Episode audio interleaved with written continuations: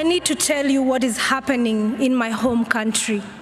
På FNs klimatoppmøte i Glasgow i november gikk 26 år gamle Elisabeth Watuti fra Kenya opp på talerstolen og tok ordet.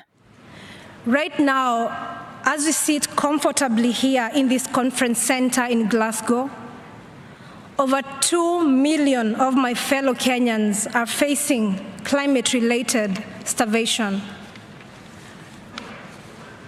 In this past year, both of our rainy seasons have failed, and scientists say that it may be another 12 months before the waters return again. Meanwhile, our rivers are running dry, our harvests are failing, our storehouses stand empty, our animals and people are dying. This is not only happening in Kenya. Over the past few months, there have been deadly heat waves and wildfires in Algeria and devastating floods in Uganda and Nigeria. And there is more still to come. Please open your hearts. If you allow yourself to feel it, the heartbreak and the injustice is hard to bear. Sub Saharan Africans are responsible for just half a percent of historical emissions. The children are responsible for none, but they are bearing the brunt. Velkommen til eh, Energi og klima, Siri Lutten. Tusen takk. Du er jo klimarådgiver i Redd Barna, og under klimatoppmøtet i Glasgow fortalte Elisabeth Watuti om hetebølger og skogbranner som rammer Algerie. Hun fortalte om eh, flom i Uganda og Nigeria, og om tørre elver og tapte avlinger i hjemlandet sitt Kenya.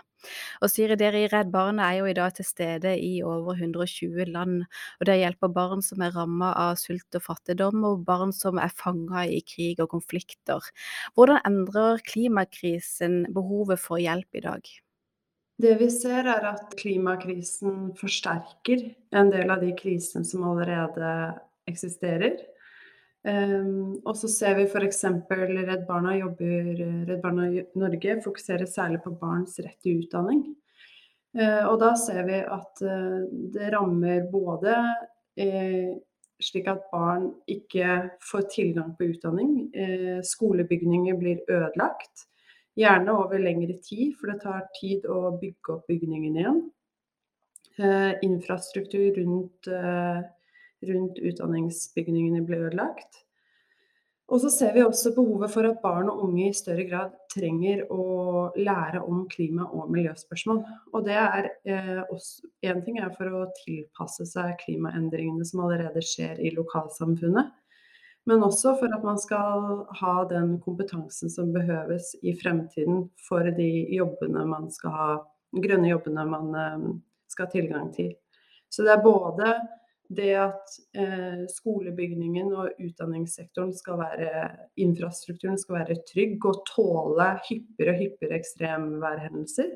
Men også at eh, utdanningen eh, må endres.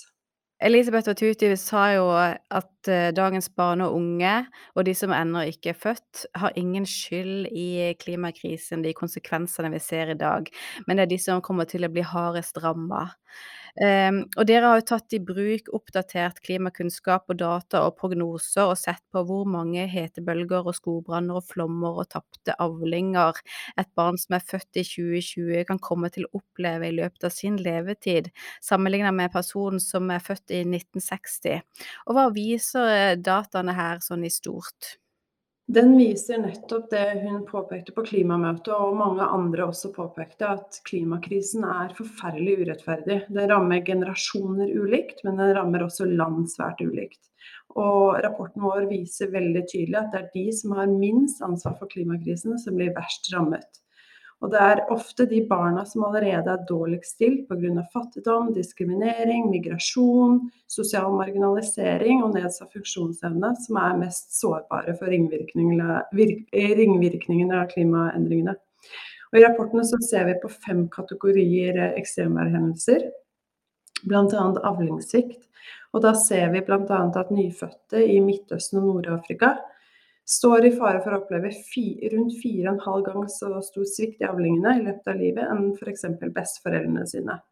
I Mali, som er en veldig sårbar, eh, sårbart land med mye konflikt, så vil nyfødte møte mer enn 9,9 mer avlingssvikt enn eh, eldre generasjoner. Og det er i stor kontrast til barn som vokser opp i Norge eller Tyskland og USA, som vil oppleve mye mindre. Eh, så ser vi også på flom, eh, som også viser at det er barn i Midtøsten og Nord-Afrika og utviklingsland generelt som står i fare for å oppleve mye mer flom både enn sine besteforeldre, men også så ser vi at det er et stort skille mellom barn som fødes da i disse regionene versus barn i eh, utviklede land. Eh, et eksempel er at bare i Sør-Asia ble 18 000 skoler stengt i 2017 etter skade eller ødeleggelse i regionen pga. Eh, den verste flommen de har hatt på mange år. Den kanskje mest og den verste eh, faren vi ser barn blir eksponert for, er hetebølger. Og det er slående hvor mye mer barn blir utsatt for hetebølger enn uh, de som Altså tidligere generasjoner. Um, og det er ikke Én ting er at det skjer hyppigere, men de blir også inten, mer intense og også mye, mye lengre. Um, F.eks. kanskje de mest slående tallene er barn i Afghanistan som er født i 2020. Så ser vi at de vil oppleve 18 ganger så mange hetebølger enn sine foreldre. Og dette er jo kontekster som er påvirket av eh, konflikt, fattigdom. Mange barn har ikke et sted å, å gjemme seg. Man har ikke fasiliteter, husly, vann, eh, som gjør at de er særlig sårbare. Dere fikk hjelp av tolv barn fra ulike land til å lage rapporten. Hva fortalte de om konsekvensene av ekstreme værhendelser i eget hjemland, og hva de mener trengs for å tilpasse seg et klima som er i endring? De forteller mange forskjellige historier. men som, eh, Vi har bl.a. en gutt på 14 år fra Somalia som har vært med å skrive rapporten. Og Han forteller at eh, han opplever både hetebølger og også flom. Eh, og at det påvirker eh, særlig kanskje tilgangen til utdanning. Um, og at han også ikke har noe sted å gjemme seg uh, fordi bygningen han bor i um, ikke er robust eller er ikke bygd nok til å skåne han for den varmen når det er uh, hyppigere hetebølger. Men også når det er flom, så ødelegges skolene. Uh, og også at veiene til skolene gjør at man ikke kommer Altså blir ødelagt pga. vann. han forteller at Eh, man får ikke dyrket maten fordi at eh, jorda blir ødelagt av alt vannet. Eh, når man trenger helsetjenester, så er det vanskelig å komme seg til helsestasjonen pga. ødelagte veier. Så det er ganske mange konsekvenser på mange forskjellige nivå. Dilmani, som også var, er en jente som har hjulpet oss med rapporten, hun er fra Sri Lanka og er 15 år. og Hun forteller særlig hvordan klimakrisen har konsekvenser for uh, småbøndene i lokalsamfunnet. Og hvordan både flom, tørke og jordskred ødelegger muligheten for å dyrke jord. Eh, som fører til at barn blir underernært, og at man ikke har tilgang til den maten man trenger. Hun forteller også at eh, det samme som han fra Somalia, at til, altså deres rett til utdanning eh, blir hindret pga. klimakrisen. og Det er både pga. at infrastruktur og veier blir ødelagt, men også at bygningene blir ødelagt. Han, hun er veldig tydelig på at hun ønsker at uh, myndighetene skal bruke mer penger for å lage uh, robuste bygninger og sørge for at barn har rett til utdanning. Hvordan møter dere disse barna? Vi ser jo at vi er nødt til å jobbe um, Vi jobber jo allerede i en del av disse kontekstene, men vi er nødt til å integrere klimakrisen uh, og den eksponeringen barn blir utsatt på i mye større grad. Så det er kontinuerlig arbeid også i, um, i Redd Barna. For vi ser at hvis skolebygninger blir ødelagt, så kan jo det ha en langvarig uh, konsekvens i forhold til læring. Så hvordan kan Redd Barna tilby undervisning i hjemmet? At vi også bygger opp mer robuste bygninger, eh, og bidrar til også at eh, lokalsamfunnet er mer eh, rusta for å møte disse hyppigere, hyppigere ekstremværhendelsene. Den globale gjennomsnittstemperaturen den er jo i dag allerede mer enn én grad varmere over førindustrielt nivå. Og i Parisavtalen så er verdens land enige om å begrense oppvarmingen til godt under to grader, og helst ned mot 1,5 grader. Hva betyr denne halve graden mellom 1,5 og 2 grader for de aller mest utsatte? Og det har enormt mye å si. Og det er, jeg må si at å, å være med å utvikle den rapporten og lansere den, det er dystre fakta vi legger frem. Men det er også et håp, og det er at hvis vi greier å begrense oppvarmingen til 1,5, som også, da vil jeg understreke, det vil fortsatt gjøre at mange av disse sårbare samfunnene vil oppleve konsekvensene av klimaendringene. Men tallene i rapporten sier at man kan senke hetebølge med 45% tørke med 39% og flom med 38% og avlingssvikt med 28 Så det er enorme tall, ikke sant. Um, så det tenker jeg på en måte en, et håp, fordi det betyr at hvis man er villig og har politisk vilje, så kan vi faktisk gjøre veldig mye for de som vokser opp i dag. Men det viser også at vi har utrolig dårlig tid.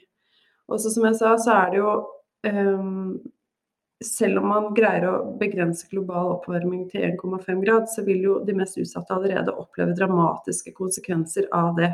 Jeg, tenker, jeg syns det er ganske um, illustrerende med utenriksminister Simon Kafe i, som sto med uh, Han ble filmet under uh, klimaforhandlingene, hvor han sto med buksa rullet opp i vannet og viste eh, hvordan eh, det en gang var tørt land, nå har han vann opp mot knærne. Og også miljøvernminister Honduras som viser til hvor mye penger man er nødt til å bruke for å um, forebygge én ting, men også liksom bygge opp landet etter uh, ekstremværhendelser. Som egentlig man kunne brukt på andre ting. da. Eh, på barns tilgang til utdanning f.eks.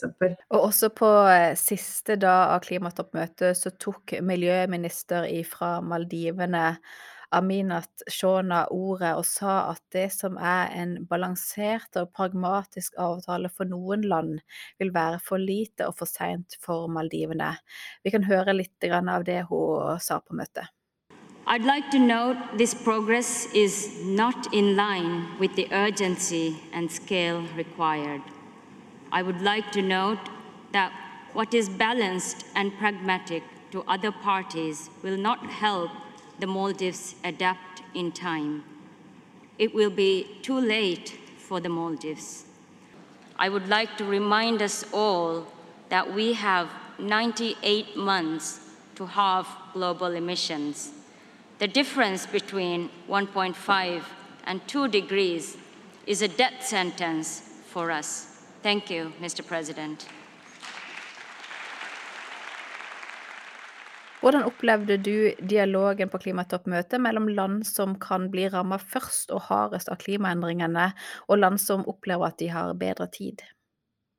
Det er jo et kjempeparadoks. På mange måter så ser man jo små steg i riktig retning, ikke sant. Det er jo det skjer jo forbedring i tekstene hvis du sammenligner med tidligere tekster, men det matcher jo overhodet ikke de krisene som man står overfor nå, eh, med disse stemmene som vi snakker om, og også de barna vi jobber med og snakker med. Um, og ja, det var forbedring, og det er et steg i riktig retning. Men den eh, finansieringen som trengs fra utviklingsland eh, til å både forebygge og tilpasse seg klimaendringene, og ikke minst eh, finansiering for tap og skade for klimaendringer som allerede er ødelagt eh, jord og land i, eh, og folks økonomier, der skjer det overhodet ikke nok. Um, så det er ganske frustrerende um, å se um, rike land som er ansvarlig for klimakrisen, som ikke er villige til å faktisk gå utviklingsland i møte på dette. De siste dagene av klimatoppmøtet så var jo dette med finansiering av klimatilpasning og finansiering av tap og skade et spørsmål som, som ble ganske betent og vanskelig. Hvordan opplevde du som var på møtet, på den spenningen mellom de som opplever at de sitter med et for stor del av regningen og kostnadene for en krise som de ikke først og fremst har vært med på å skape? Jeg vil jo si at det er der de store spenningene er. Eh, de landene som er ansvarlig for klimakrisen, har brutt løftet sitt om 100 milliarder dollar eh, som man skulle betale til klimafinansiering hvert år innen 2020. Det løftet er brutt, og det skaper jo selvfølgelig eh, mistillit mellom landene. Nå håper man på at man får til det innen 2023, men så er det også sånn at disse midlene er ikke nødvendigvis eh, så lett å få tilgang på. En del av midlene blir tilgjengeliggjort gjennom lån, og også man melder om at det er vanskelig å få tilgang til disse midlene. Det er store eh, og krevende prosesser. Og så er det som du sier, eh, var det mye diskusjon om det som heter tap og skade. Eh, hvor man ikke ble enig. Og det skaper også mye frustrasjon. Og det er nettopp det vi snakker om i dag. ikke sant? Klimaendringene skjer allerede. Utviklingsland opplever at dette er noe de må bruke mye penger på. Det ødelegge infrastruktur, eh, retten til eh, mat. Så var, Skottland var det eneste som la en liten sum på bordet, som er selvfølgelig en liten seier og viser at man ønsker å møte utviklingslandene. Men det er fortsatt enorm lang vei å gå. Og også ganske paradoksalt, for man greier ikke å vise til at man har planer til å nå 1,5-målet foreløpig. Nå går vi til en oppvarming til 2,4. Og man er heller ikke villig til å betale for de eh, store konsekvenser som allerede skjer. Så det var eh, ganske voldsomme reaksjoner fra en del av de landene som opplever disse konsekvensene på kroppen. Siri, du deltok på FNs klimatoppmøte i Glasgow for å snakke barnas sak, og du kjemper for barns rett til å bli hørt. Hvor godt blir barn og unges rettigheter ivaretatt i det globale klimaarbeidet i dag? Uh, ikke, ikke, godt nok. Redd Barna er selvfølgelig opptatt av barns rettigheter, det er vårt mandat, og det er det som er utgangspunktet vårt. Så man gikk vel ut og sa at dette klimatoppmøtet skulle være det mest inkluderende klimatoppmøtet noensinne. Vi opplever vel mer at det var ganske ekskluderende. Noe av grunnen har vært Eller har man, uh, man har brukt uh, korona som, som, unnskyldning. Men vi opplevde at uh, møtet er vel nesten Det fins nesten ikke barn der. Barns stemmer er, er ikke til stede. Det er en del fokus på ungdom. Men det er også de fra 15 og oppover. Um, så Den norske delegasjonen hadde med noen barn, men vi opplever at uh, den er nesten ikke til stede. Uh, og vi, hadde, vi, lagde noen seminarer, uh, såkalte side events, hvor vi tilrettela dialog for særlig kanskje de barna som ikke har de samme ressursene. Um, og utgangspunktet er vi opptatt av å bidra med. Vi så også, når vi så førsteutkast til tekst, så var det eh, nesten ingen referanser til barn, som vi også mener er viktig. Um, så vi er jo opptatt av at kopp bør være mye mer tilrettelagt for å være barnevennlig. Det er barns fremtid dette gjelder. Det er barn som vil oppleve konsekvensene av manglende handling, eller eh, den handlingen vi gjør i dag. Og klimabeslutninger må tas eh, Da må man ta hensyn til barns beste. Ja, hvor langt unna mener du vi er der vi burde være, og fra der vi er i dag, når det gjelder å inkludere barn i, i de, de, internasjonale klimadialogene?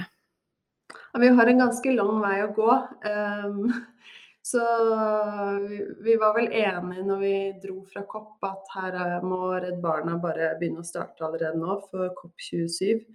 Um, så er jo også COP kan jo sammenlignes med et sirkus. Det er vanvittig mye mennesker, um, veldig mye som skjer. Så vi skal også være forsiktige med um, Altså stedet må også være uh, tilrettelagt for barn. Hvis vi skal ta med oss barn. Uh, Redd Barna bestemte seg for å ikke ta med barn denne gangen her pga. koronarestriksjonene. I fare for at uh, noen kan bli smittet. Eh, men vi har bl.a. lagd en guide, for én ting er under kopp, men hva, hvordan er dialogen med barn før eh, man drar på klimaforhandlingene, når man utarbeider posisjoner, når man tar beslutninger? Eh, er barn inkludert i tilpasningsplaner, utslippsplaner? Også når man lager nasjonal klimapolitikk, tilgjengeliggjøres dette for barn. Det tenker vi er eh, kjempeviktig. For vi vet jo at dette er noe barn er veldig veldig opptatt av, og vi mener at barn må bli tatt mye mer på alvor. Og sånn som jeg har forstått det riktig, så eh, mener dere også at eh, barn og unge bør ha en plass også rundt forhandlingsbordet. En ting er i forkant og, og i etterkant og på, på, nasjonalt nivå, men også rundt forhandlingsbordet eh, på klimatoppmøtene. Hvorfor er det viktig? Det er så stor forskjell med de som føde, eh, ble født i 1960 versus de som fødes eh, nå. Eh, de som vokser opp i dag. Det er deres fremtid dette gjelder. Og vi tror også barn ofte har gode perspektiver og løsninger når man skal se på hva som skal gjøres for klimakrisen. Det er de som vet hvordan, hva som skjer i lokalsamfunnet når huset blir revet ned, når flommen kommer, når det ikke kommer seg til skolen, når mor og far ikke kan dyrke på jorda si lenger. Og da er det viktig å høre på lokalsamfunnet og de som faktisk opplever klimaendringene hver eneste dag. Og barn er en del av dette. Så det, det, mener vi er viktig. De sitter med viktig kunnskap og innsikt som uh, vi voksne må lytte til. Hvordan kommer dere i Redd Barna til å jobbe videre frem mot neste klimatoppmøte, og alt som skal skje i forkant av det? Det er litt uh, delt. Vi, jobber, uh, vi kommer til å jobbe mer og mer systematisk med programarbeidet vårt. og Dvs. Si at vi må det vi kaller mainstreame, se på hvordan vi kan integrere klima- og miljøhensyn i allerede eksisterende prosjekter, sånn som utdanning som jeg fortalte om tidligere. Vi kommer til å jobbe med å utvikle nye prosjekter, uh, og da se på kanskje særlig sårbare stater. Og så kommer vi til å jobbe med å få orden i eget hus. Eh, det tenker vi er viktig. Vi må kutte våre egne utslipp. Blant annet så flyr vi jo mye som en bistandsorganisasjon. Og så vil vi jobbe systematisk med å løfte barns stemme, støtte barn, eh, og se på hvordan, i dialog med barn, hvordan kan vi gjøre eh, oppløpet mot COP27 og selve klimatoppmøtet mer barnevennlig. Um, og så håper jeg vi vet at når norske barn, og også internasjonalt, engasjerer seg og ytrer seg, så møter de ganske mye motstand. De opplever å bli mobbet og ertet. Så jeg håper at vi voksne er voksne. Um, og det vil si at vi uh, Vi kan selvfølgelig være uenige, men at vi oppfører oss uh, som voksne mennesker. Uh, og heller kanskje lytter fremfor at vi har behov for å argumentere imot, og i hvert fall ikke mobbelærte. Um, for de sitter med innsikt og en stemme som jeg tenker er helt avgjørende fremover. Årets klimatoppmøte, det, som du sa, det bringer verden noen små steg i riktig retning, men det går altfor sakte. Er det noe som gir deg håp om at verden skal klare å bremse klimaendringene i tide? Ja, det er sånn, man er liksom todelt etter vært på kopp. På en side så føles det som dette går altfor treigt. Men så eh, i møte med den globale bevegelsen, og kanskje særlig de ungdommene som deltok, så får jeg eh, masse håp og inspirasjon, for de er så klare for handling. Og vi er en stor global bevegelse vi i Redd Barna har bl.a. et veldig godt samarbeid med Miljøagentene. Og det også er sånn De er helt rå. Eh, de er full av mot. Eh, de er kjempemodige. Eh, de sier akkurat hva de mener. Og så har de vanvittig god teknisk innsikt i både hva som ligger til grunn av vitenskap når vi snakker om klimaendringene, men også når det er snakk om løsninger vi trenger. Eh, så vi er kjempe er veldig, veldig, Vi er veldig fornøyd med at den norske delegasjonen ga eh, akkreditering til eh, en ganske stor gruppe med norske barn. Det var absolutt et unntak. Og eh, tilbakemeldingen også fra dem var at de, hadde, de fikk stort utbytte å være på klimaforhandlingene. Eh, men det også gir meg masse håp, for er dette fremtidas ledere, så tror jeg vi kan Da kan vi endre oss i den retningen vi trengs.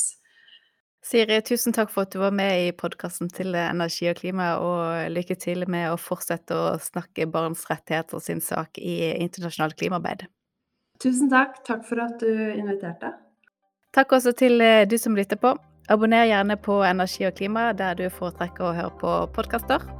Og tips oss gjerne til noen som du tenker bør lytte på Energi og klima. Takk for i dag.